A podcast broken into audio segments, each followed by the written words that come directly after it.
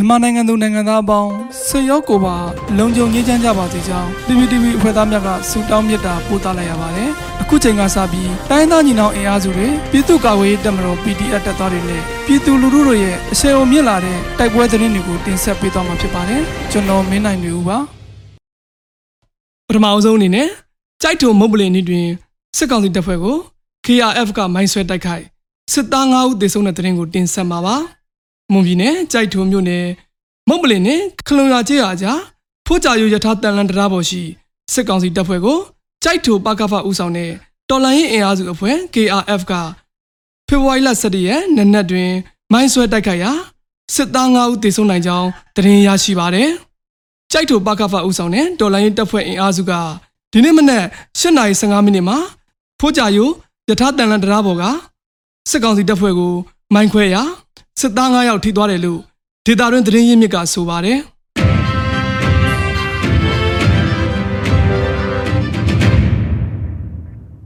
စလင်းကြီးတွင်စစ်ကောင်စီဆက်လေးနှစ်စီးတိုက်ခိုက်ခံရပြီးခုနှစ်ဦးသေဆုံးတဲ့သတင်းကိုဆက်လက်တင်ဆက်ပါမယ်။ချင်းနစ်မြေကြောင်အတိုင်းစံတက်လာတဲ့စစ်ကောင်စီဆက်လေးနှစ်စီးကိုအကြည်ဇက်အန် PDF ပျောက်ကြားအဖွဲ့ကမိုင်းများလက်နက်ကြီးများဖြင့်ဖောက်ခွဲပစ်ခတ်တိုက်ခိုက်ရာစစ်သား9ဦးသေဆုံးပြီး 10ဦးတက်မင်းဒဏ်ရာရရှိကြောင်းသတင်းရရှိပါတယ်။ပြစ်ခတ်တိုက်ခိုက်မှုအပြီးအထိကိမရှိ ပြန်လည်ဆုတ်ခွာခဲ့ကြောင်းစလင်းကြီးဂျီဇက် local PDF အဖွဲ့ကသတင်းထုတ်ပြန်ထားတာပါ။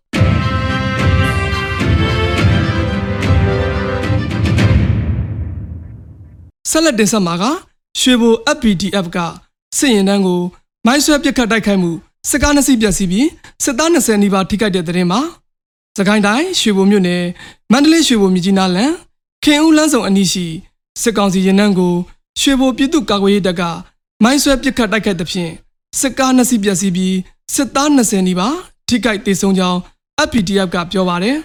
ဖေဖော်ဝါရီလ10ရက်နေ့မွန်းလွဲ12နာရီ26မိနစ်အချိန်မန္တလေးရွှေဘိုမြကြီးနားလန်ခင်ဦးလမ်းဆောင်အနီးတွင်ကလလူးကျွရသို့စစ်ကြောင်းထိုးလာတဲ့စစ်ကောင်စီရင်နှန်းကိုပရိသာဆွဲမိုင်းခုနှလုံးဖြင့် မိုင်းဆွဲတိုက်ခိုက်ပစ်ခတ်ခဲ့ကြောင်းစစ်ကားနှစ်စီးထိခိုက်ပြီးစစ်သား20ဦးခန့်ထိခိုက်ဒေဆုံးခဲ့ကြောင်းစစ်တပ်ကရန်တမ်းပစ်ခတ်မှုများလှုပ်ဆောင်ပြီးအနိနာကျွရများမှာ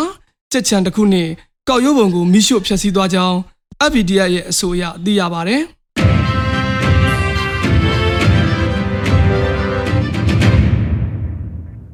တရဦးမြို့နယ်အထွက်ရှိစစ်ကောင်စီဂိတ်စကန်မိုင်းဆွဲတိုက်ခိုက်ခံရပြီးရဲသုံးသေဆုံးတဲ့တဲ့ရင်ကိုတင်ဆက်မှာပါ မန္တလေးတိုင်းကြောက်စဲခရိုင်တရဦးမြို့နယ်မြို့အထွက်ရှိစစ်ကောင်စီဂိတ်စကန်ကိုယနေ့နေ့နက်ပိုင်းတွင်ဒေသကာကွယ်ရေးတပ်ဖွဲ့ကမိုင်းဆွဲတိုက်ခိုက်ရာရဲသုံးသေဆုံးသွားကြောင်းဒေသကာကွယ်ရေးတပ်ဖွဲ့ကပြောဆိုပါတယ်အလားတူစကိုင်းတိုင်းမူဝါမြို့တွင်ယနေ့နေ့နဲ့9နာရီဝန်းကျင်အချိန်ပောက်ကွဲမှုနှစ်ခုဖြစ်ပွားပြီးစစ်ကောင်စီတပ်သားများတေဆုံးမှုနဲ့ထိခိုက်မှုရှိကြောင်းဒေသသတင်းရင်းမြစ်မုံရွာချင်းင်းရုံးမှထံမှသိရှိရပါတယ်။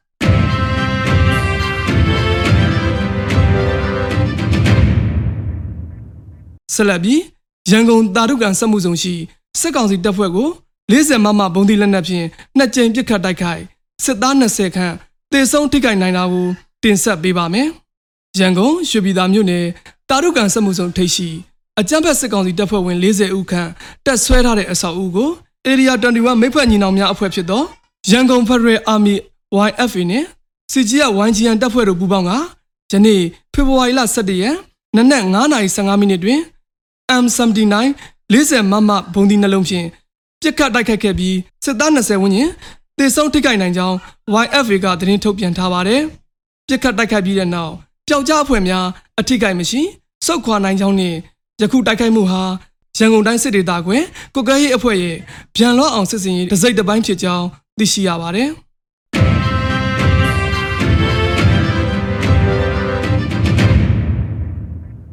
နောက်ဆုံးအနေနဲ့ အမျိုးသားညီညွတ်ရေးအစိုးရ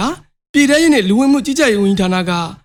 2022ခုဖေဖော်ဝါရီလ17ရက်ရက်စွဲနဲ့ထုတ်ပြန်တဲ့ပြည်သူ့ခုခံတော်လှန်စစ်တရင်အချက်လက်တွေကိုတင်ဆက်ပေးသွားမှာပါ။အာဏာသိမ်းအကြမ်းဖက်စစ်အုပ်စုရဲ့ပြည်သူလူထုအပေါ်အကြမ်းဖက်ဖိနှိပ်ဖမ်းဆီးတိုက်ခိုက်တပ်ဖြတ်နေမှုများကိုပြည်သူလူထုတရက်လုံးကအသက်ရှင်သန်ရေးအတွက်မိမိကိုယ်ကိုမိမိခုခံကာကွယ်ပိုင်ခွင့်အရာပြည်သူခုခံစဉ် People Defensive War ကိုဆင်နွှဲလျက်ရှိပါတယ်။တရင်ချက်လက်များအရာ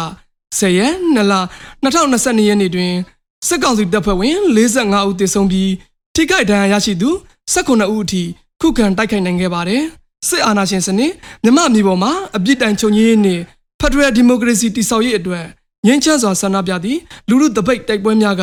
ပြည်내နှင့်တိုင်းဒေသကြီးများမှာဖြစ်ပွားပေါ်ပေါက်လျက်ရှိပါတယ်မြေပြင်မှာယခုတွေ့ရှိရတဲ့သတင်းအချက်အလက်များထက်ပို၍ဖြစ်ပွားနိုင်ပါတယ်ခင်ဗျာ။